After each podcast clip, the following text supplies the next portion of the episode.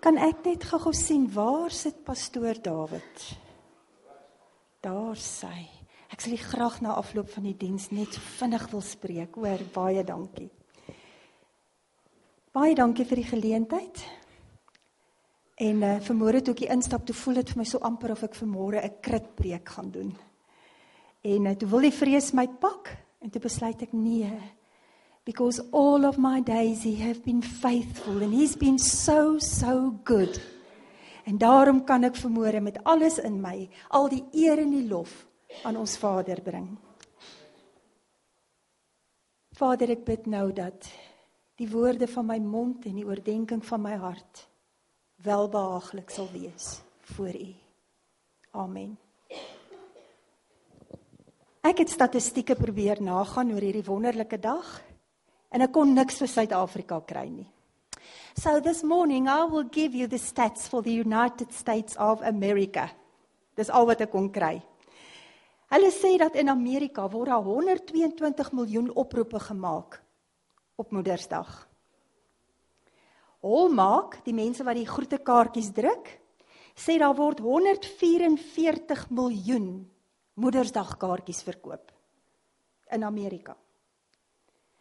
Die blom wat die meeste verkoop word met Moedersdag is angelier, toe nou nie 'n roos nie. En nie 'n spesifieke kleur nie. Dis 'n mengelmoes van kleure wat verkoop word. En dan sê hulle daar word ongeveer 21,4 biljoen dollar gespandeer aan Moedersdag geskenke. As hulle hom afbreek na per geskenk toe, dan is dit so 172 dollar per geskenk. En ek het gisteroggend gou-gou gaan Google om te kyk wat is die moet ek nie sê nie. OK, ek gaan nie vir julle sê dis so om en by 2 2.5 1000 rand nie, hoor. Hulle spandeer so om en by 2400 rand per geskenk. Nou wat maak hierdie dag so spesiaal? Wat het die mense kop gegryp rondom Moedersdag? En ek het lank gedink. En ek kon regtig net op een antwoord afkom. En dit is mamas. Dis al. Moeders is so spesiaal. En as ek die ou kindertjies wat vermore hier was en die wat miskien in die gehoor sit en die ouer kindertjies wat vermore hier sit, die geleentheid kon gee om iets te sê oor hulle mamma, dan dink ek ons sou fenominale stories gehoor het oor mammas wat hulle lewens opgeoffer het, mammas wat alles gegee het vir hulle, kwaai mammas, pret mammas, mammas wat net absoluut goed is vir elke kind. En dan op hierdie noot wil ek van my kant af sê aan elke mamma, elke stiefmamma, elke ou mamma, elke amper mamma van my kant af 'n geseënde Moedersdag vir julle. Mag julle oorlaai word met liefde en met vreugde van julle kinders en van julle gesinne af. Dis 'n dag om te rejoice en te vier. Want weet jy wat? Nie een van ons sou hier gewees het as dit nie vir 'n mamma was nie. Ons het almal 'n mamma. Is dit nie so nie, nê? Nee? En toe het ek gewonder, As ek vanmôre vir u die geleentheid sou gee om jou eie mamma te kan kies. Hoe sou sy lyk? En hoe sou sy wees? En toe het ek gou besef dat dit hang af van hoe oud ek is. Want 'n 5-jarige gaan sy mamma meet aan ander kriteria. En as ek kyk na tieners, dan is dit weer 'n ander storie. Vir Dian op hierdie stadium is dit net maak my maag vol hy kom nou die dag daarin en ek gee vir hom kos om te eet en toe hy klaar is toe sê hy, "Joh, dis 'n lekker dag, ouma." En toe sê ek nou, "Hoe so? Wat's nou so spesiaal?" Toe sê ek, "Het so lekker geëet." so tieners meet weer aan 'n ander kriteria. As ons hier by die 30 somethings kom, dan kyk hulle ook na ander goed. En as jy 60 plus is, dan kyk jy weer na ander goed. So dit verskil van na gelang van jou ouderdom. En weet jy, ek het so 'n bietjie gaan dink oor God. En ek het besef dat iewerster moes hy ook gaan sit en kyk het om 'n mamma te soek vir Jesus. Jy ooit daaraan gedink? Hy moes 'n mamma gaan soek het wat vir Jesus die perfekte mamma sou wees. En dit het my laat dink nou wat was so spesiaal aan hierdie mamma? En as ons nou vanmôre oor Maria praat, dan gaan dit nie daaroor dat ons haar wil verhef tot 'n sekere goddelike status nie. Dit gaan nie daaroor dat dat sy so verskriklik spesiaal was nie. Nee, die klem gaan verskuif word na Jesus. En as jy nou dink, hm, klink vir my baie na 'n Kersboodskap, dan wil ek vir julle sê, nee. Moet die kind van God nie elke dag Kersfees vier nie. Moet ons nie elke dag 'n Christusfees in ons hart ronddra nie. Moet ons nie elke dag hulde en eer aan ons koning bring nie. Nie meer die baba van Bethlehem nie, maar hulde en eer bring aan die koning van alle konings. En toe dink ek dat God seker ook maar moes gaan kyk het mooi na Maria en haar lewe en ehm um, wat sou vir hom spesiaal gewees het en wat sou hy graag wou verander het en hoe moes sy gewees het om hierdie spesifieke rol van die moeder van Jesus te kon speel. Nou ek wil hê as jy die Bybel het, kan jy vir my saam met my blaai na Lukas 1 vers 26. As jy 'n tablet het, dan kan jy gaan klik gou-gou op Lukas 1 vers 26. En as jy nie een van die twee het nie, moenie bekommer nie, ek gaan vir julle dit lees en ek lees uit die 83 vertaling. Vanaf vers 26. Lukas 1 vers 26. En in die 6ste maand van Elisabet se swangerskap het God die engel Gabriël gestuur na 'n maagd in Nasaret, 'n dorp in Galilea. Sy was verloof aan Josef, 'n man uit die geslag van Dawid. Die naam van die maagd was Maria. En toe die engel by haar kom, sê hy: "Ek groet jou, begenadigde, die Here is by jou." Die engel sê toe vir haar: "Moenie bang wees nie, Maria, want God bewys genade aan jou. Jy sal swanger word en 'n seun in die wêreld bring, en jy moet hom die naam Jesus gee. Hy sal groot wees en die seun van die Allerhoogste genoem word." Die Here God sal hom die troon van sy voorvader Dawid gee en hy sal as koning oor die nageslag van Jakob heers tot in ewigheid. Aan sy koningskap sal daar geen einde wees nie. Maar Maria sê vir die engel: "Hoe is dit moontlik aangesien ek nog nooit omgang met 'n man gehad het nie?" En die engel antwoord haar: "Die Heilige Gees sal oor jou kom en die krag van die Allerhoogste sal die lewe in jou wek." Daarom sal die een wat gebore word heilig genoem word, die seun van God.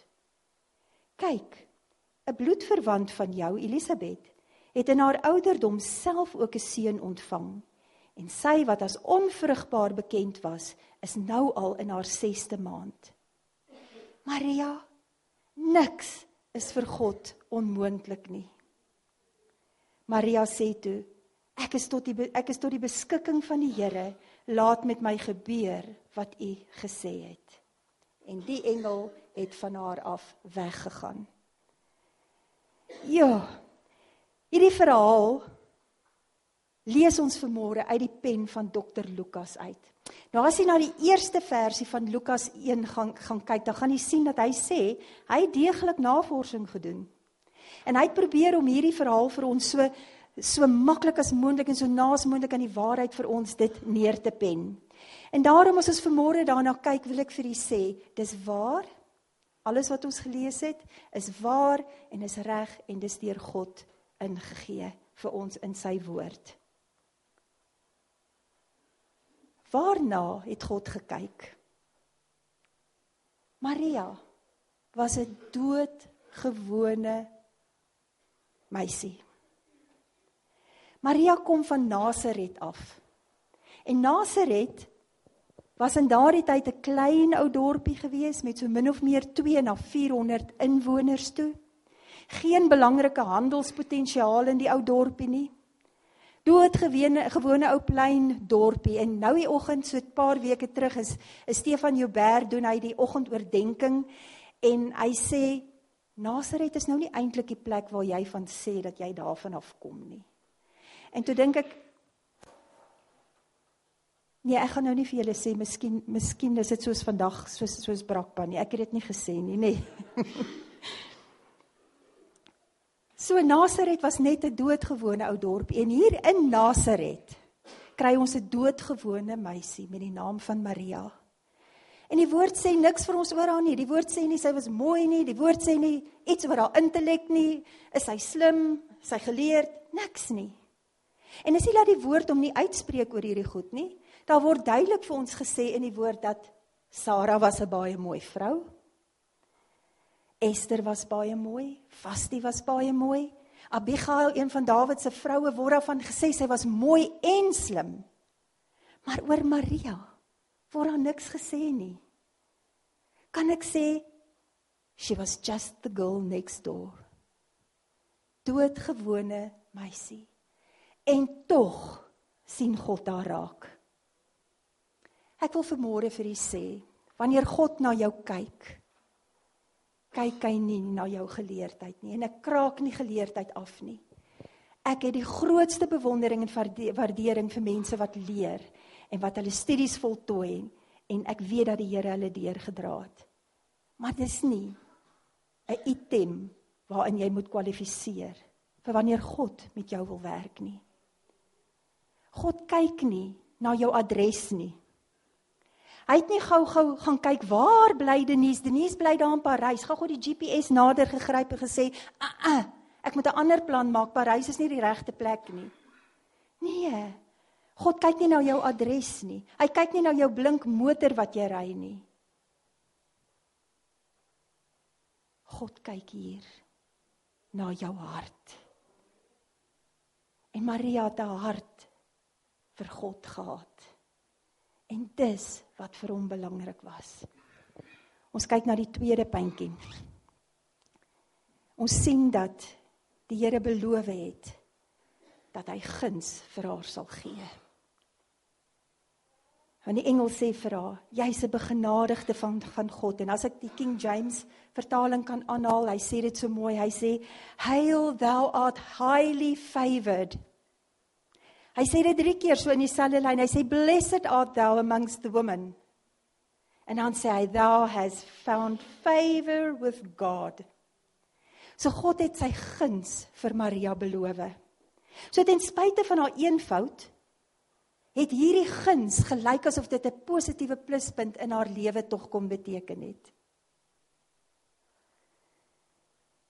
En hoe baie bid ek nie mag Vader se guns oor jou lewe skyn nie. Elke keer as iemand verjaar dan dit half so 'n normale sinnetjie in my boodskap geword. Ek bid vir jou God se guns toe. En as ek na hierdie gedeelte kyk, dan sien ek dat guns wat ek in gedagte gehad het, is glad nie wat hier op betrekking het nie. Jy sien guns kan dalk beteken dat jou lewe omver gegooi gaan word. Guns kan beteken dat jy nie so gewild is meer onder jou mense nie. Guns is nie net om vir 'n parkeerplekkie te bid nie. As God se guns op jou rus, beteken dit jy gaan moet diensbaar word. Vader het nie alleenlik net vir Maria gesê hier's nou guns op jou lewe nie. Daar's 'n taak wat vir jou wag, Maria. Jy gaan swanger word. En dink nou bietjie mooi, Maria was verloof aan aan Josef. Wat doen verloofde meisies? Hulle droom oor die dag wat hulle gaan trou met hulle geliefde. Hulle droom oor hoe die huis gaan lyk. Hulle droom oor moontlike kindertjies. En ek dink nie Maria was enigsins iets anders nie. So dis wat haar haar die plan vir haar lewe was. Totdat God se plan met haar plan in botsing gekom het. En haar lewe was as ware omvergewerp. Soos ek vanmôre vir jou sê, die guns van God rus op jou. Dan beteken dit dat hierdie guns nie vir jou eie selfsugtige status is nie. Die guns van God beteken dat jy hom met dit waarmee hy jou toevertrou het sal moet vereer. Al kos dit wat. Partykeer roep die Here ons vir 'n spesifieke taak en dan sien ons dit. Daar word so agter die hand word daar geskinder van my. Partykeer word ek uit die uit die samelewe uit my uit my omgewing uit so 'n bietjie half uit my maats uit uitgeskuif. En dis wat met Maria kon gebeur het. Hulle kon haar gestenig het vir die feit dat sy swanger was voordat sy getroud was. Hulle kon haar uitgeskuif het. Dis wat guns in Maria se lewe beteken het.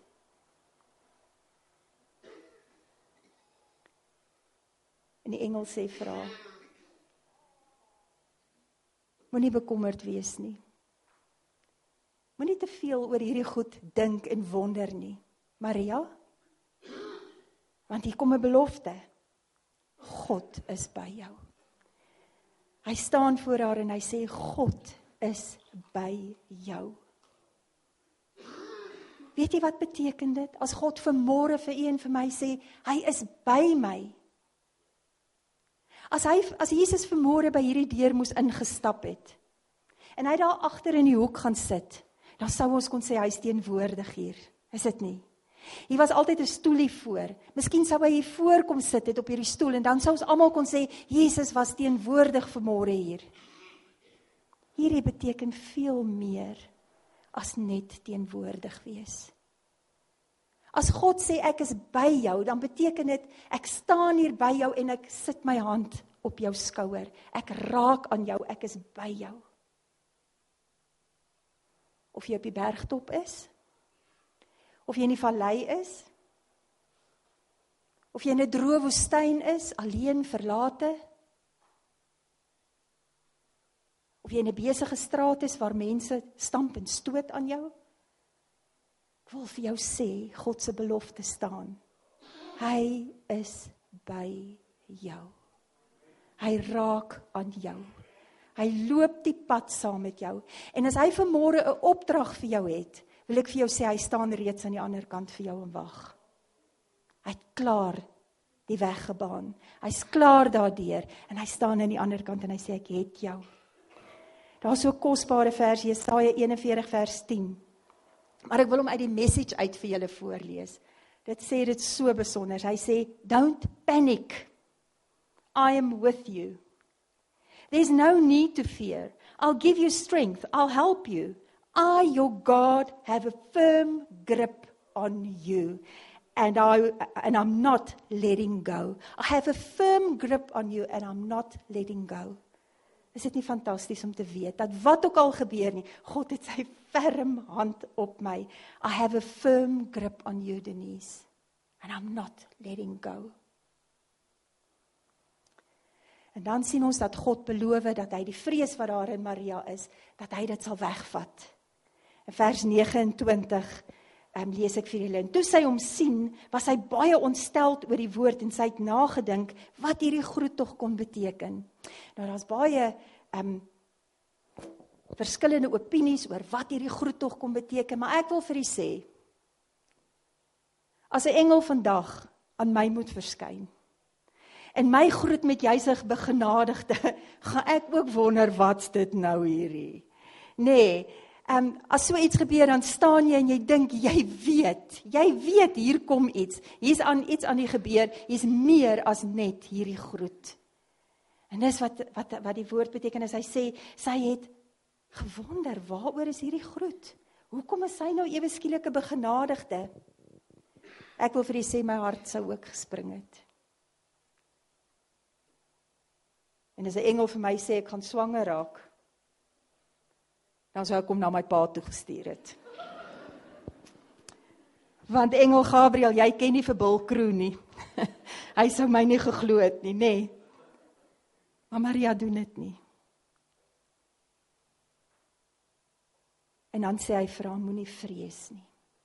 En vrees is is iets wat die Here vir ons in ons in ons wese ingebou het, maar nie daai vrees wat jou lang maak nie die vrees eintlik is dit 'n ontsag vir vir vir iets nê nee, om om vir oorlewing.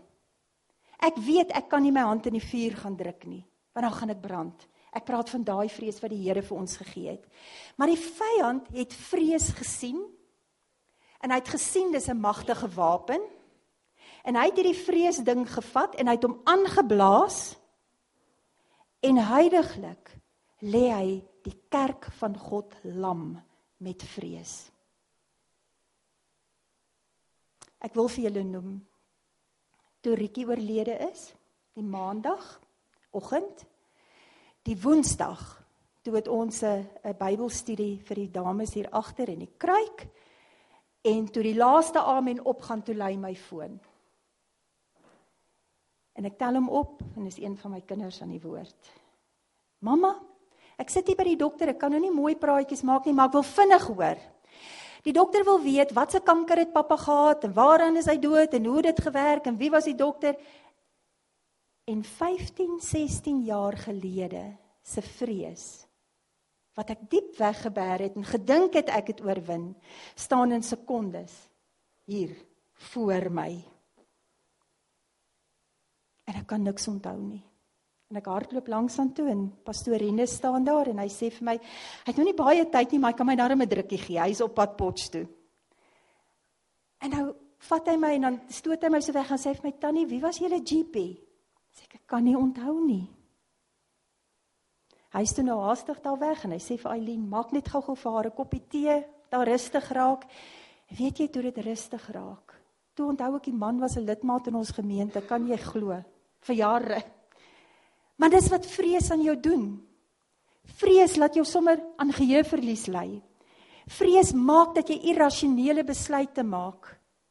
As Maria moes gevrees het, sou sy 10 teen 1 nie ja gesê het vir hierdie groot opdrag nie. Ek het so 'n bietjie gaan Google om te kyk wat maak mense almal bang. Wat is dit? Wat se tipe fobies kry u? En julle sal my nie glo nie, vir elke letter van die alfabet is daar so 3 tot 4 verskillende fobies. En dit het my bang gemaak. en daar's 1, 2 wat vir my uitgestaan het en ek moet dit met julle deel vermoere en ek dink dit mag dalk moontlik 1 of 2 wees wat daaraan lê. Dat jy mag dalk 'n onderwyseres wees wat daaraan lê, jy mag dalk 'n kind of twee wees wat daaraan lê. En die eerste een is didaskalynofobia. Vreeslike woord vir 'n vrees vir skool. Dis al. Nou dis nie die vrees. dis nie die vrees vir ek het nie my huiswerk gedoen nie en ek mag nie skool toe gaan. Ek wil nie skool toe gaan nie. Dit kan tot 'n vrees vir die gebou wees en 'n vrees vir die goed wat gebeur in die skool. Die volgende een is ecclesiofobia. Vrees vir die kerk. Vrees vir die kerkgebou en vrees vir dit waarvoor die kerk staan. Ek wou dit net met julle deel, dis interessant, nê? Nee. 2 Timoteus 1 vers 7 sê want God het ons nie 'n gees van vreesagtigheid gegee nie. Kan ek dit weer lees? My God gee nie vir my vrees nie. Nie hierdie vrees wat my knieë lam maak dat ek nie kan beweeg nie. Want God het ons nie 'n gees van vreesagtigheid gegee nie, maar van krag, liefde en selfbeheersing. En daai krag is daai wonderwerkende krag waarvan hy praat wat hy vir ons gee gaan net nou weer terugkom na hierdie krag toe. Hou hom. Liefde is God se liefde wat hy vir ons gee. Onvoorwaardelike liefde wat die vrees verdryf uit my lewe uit. Jy sien vrees op sigself is die enigste ding om te vrees. Ek lees 'n verhaal van 'n 'n vroulike evangelis wat sy het kry 'n knop hier in haar keel.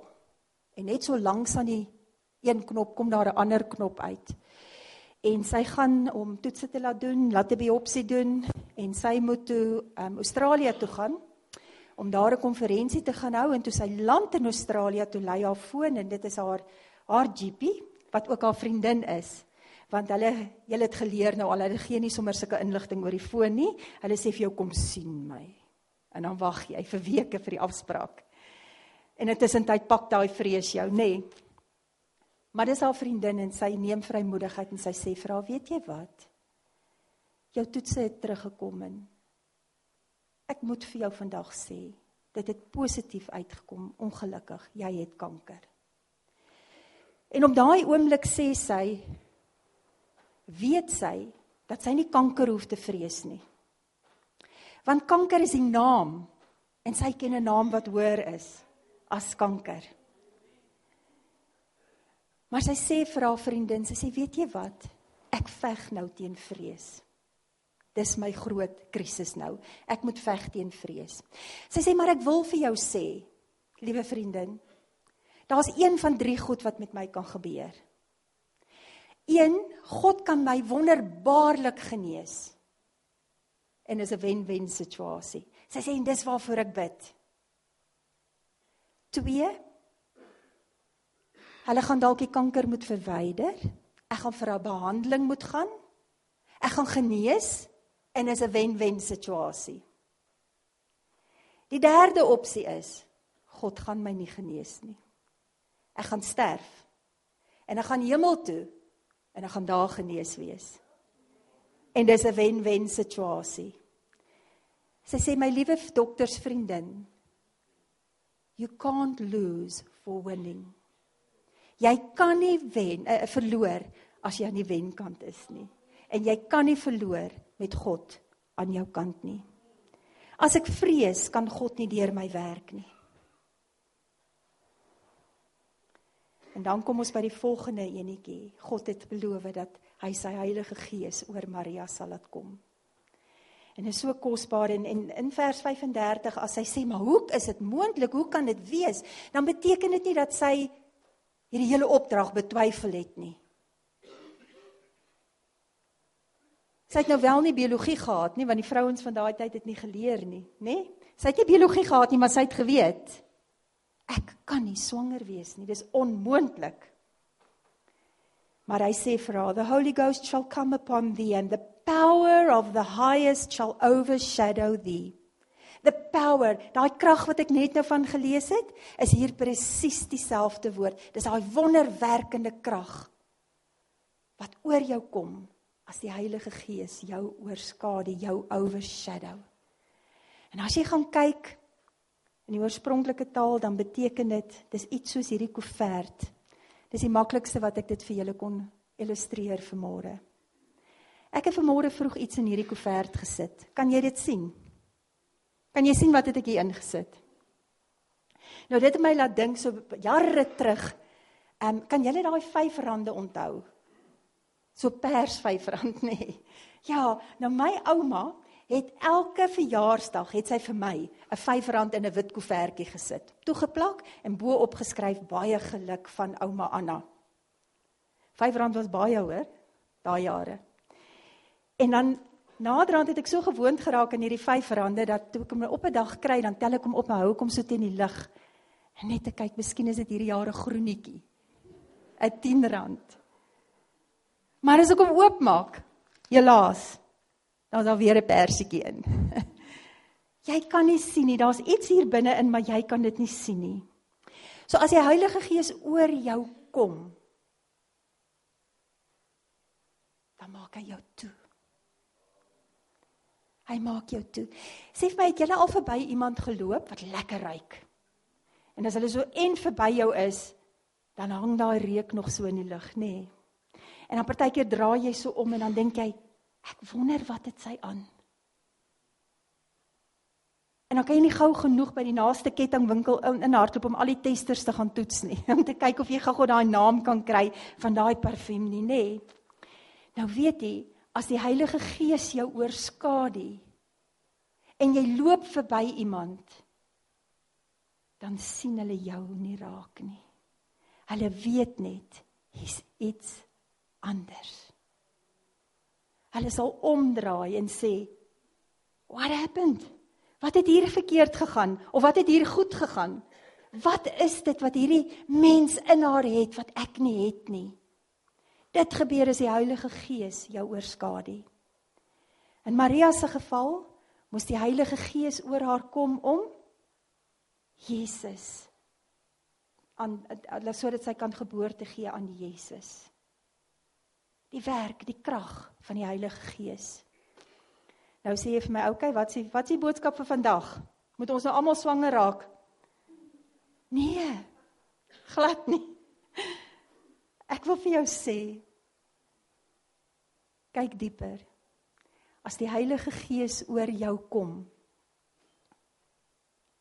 dan beteken dit ek moet Jesus vir die wêreld vat. Ek gaan nie fisies aan hom weer geboorte gee nie, dit het een keer gebeur. Maar dit beteken dat ek Jesus nou na my skool toe moet vat. Dit beteken dat ek Jesus na my werkplek toe moet vat. Dit beteken dat ek Jesus vir die wêreld moet gaan gee. Daar's nood in die wêreld, mense, groot, groot nood. En wat doen die Christene?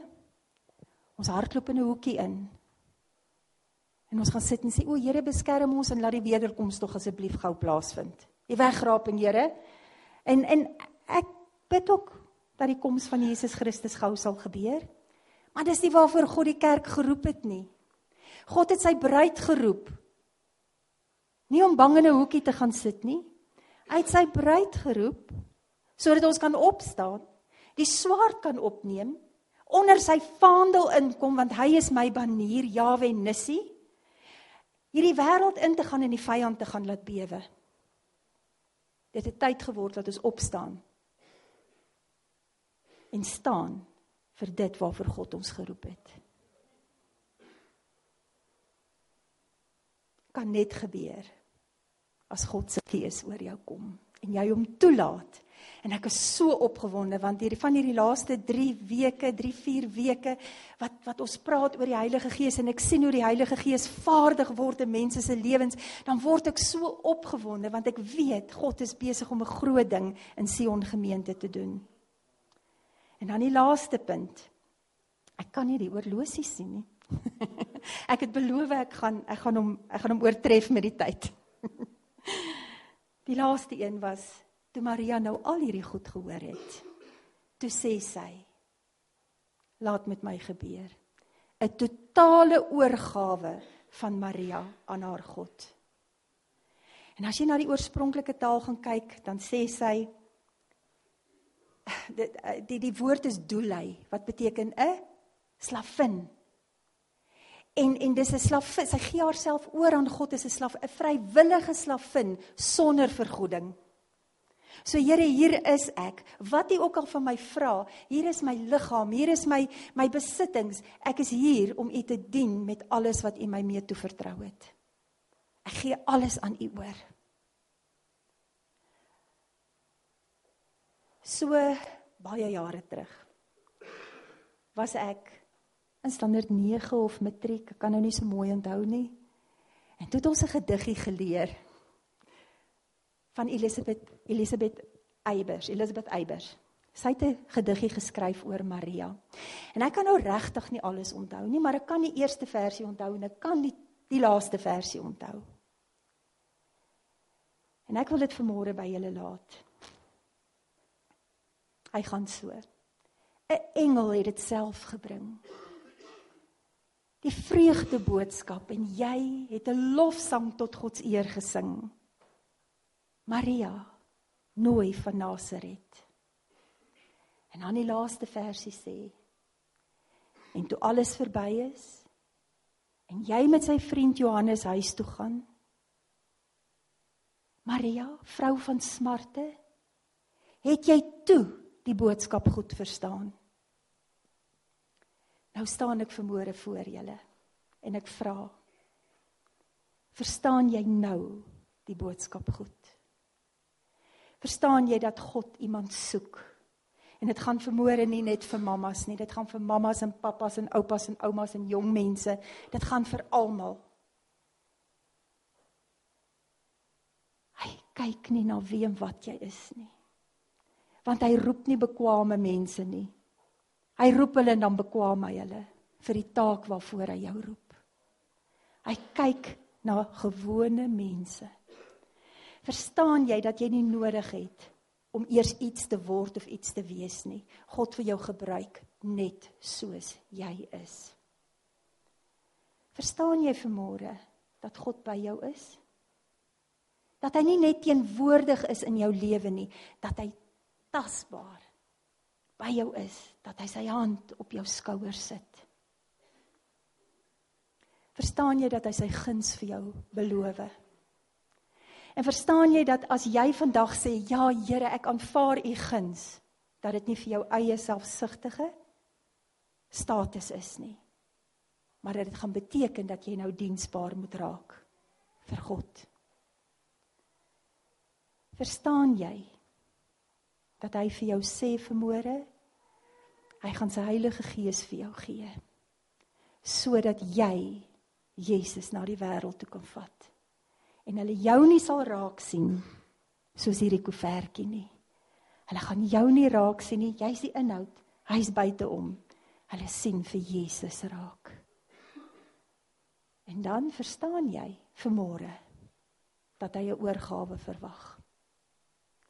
Verstaan jy dat jy alles vir hom moet gee? vir dit waarmee hy jou toe vertrou het. Mag jy gebless wees in hierdie dag. Mag 'n wonderlike tyd hê. En mag jy Jesus se liefde tasbaar by jou voel. En die wens van my hart is is dat jy die dag saam met julle families en vriende sal geniet. Kom ons bid saam. Ons dierbare Vader, baie dankie dat U 'n good good God is. Dankie dat U faithful is sonder einde. En dankie dat ons vanmôre kan kom sê soos Maria, hier is ek, Here. Ek maak 'n totale oorgawe. Ek gee myself oor as 'n vrywillige slavin sodat U met my kan maak soos U goed dink. Ek gee nie om, Here, vanmôre wat die wêreld van my dink nie. Ek gee nie om wat my familie van my gaan sê nie. Ek staan en ek is gereed om te doen wat God van my verwag. Dankie Here vir u liefde, u oneindige liefde en dankie vir die krag, daai dunamis krag wat u vir ons gee. En as dit oor my kom, Here, dan kan ek nie anderster is om om net hierdie wonderwerkende krag te vat en dit vir 'n verlore gaande wêreld te gaan meedeel nie. Ek bid nou Here dat u elke woord sal seën wat uitgegaan het en dat mense nie na die nuus sal kyk en sal wonder oor wat het sy nou vandag weer gesê nie. Maar dat hulle as dit net een sinnetjie sou wees, dat hulle hierdie sinnetjie sal vat vandag en dit hulle eie maak. Ek bid dit net uit genade uit wat vir ons genoeg is. Amen.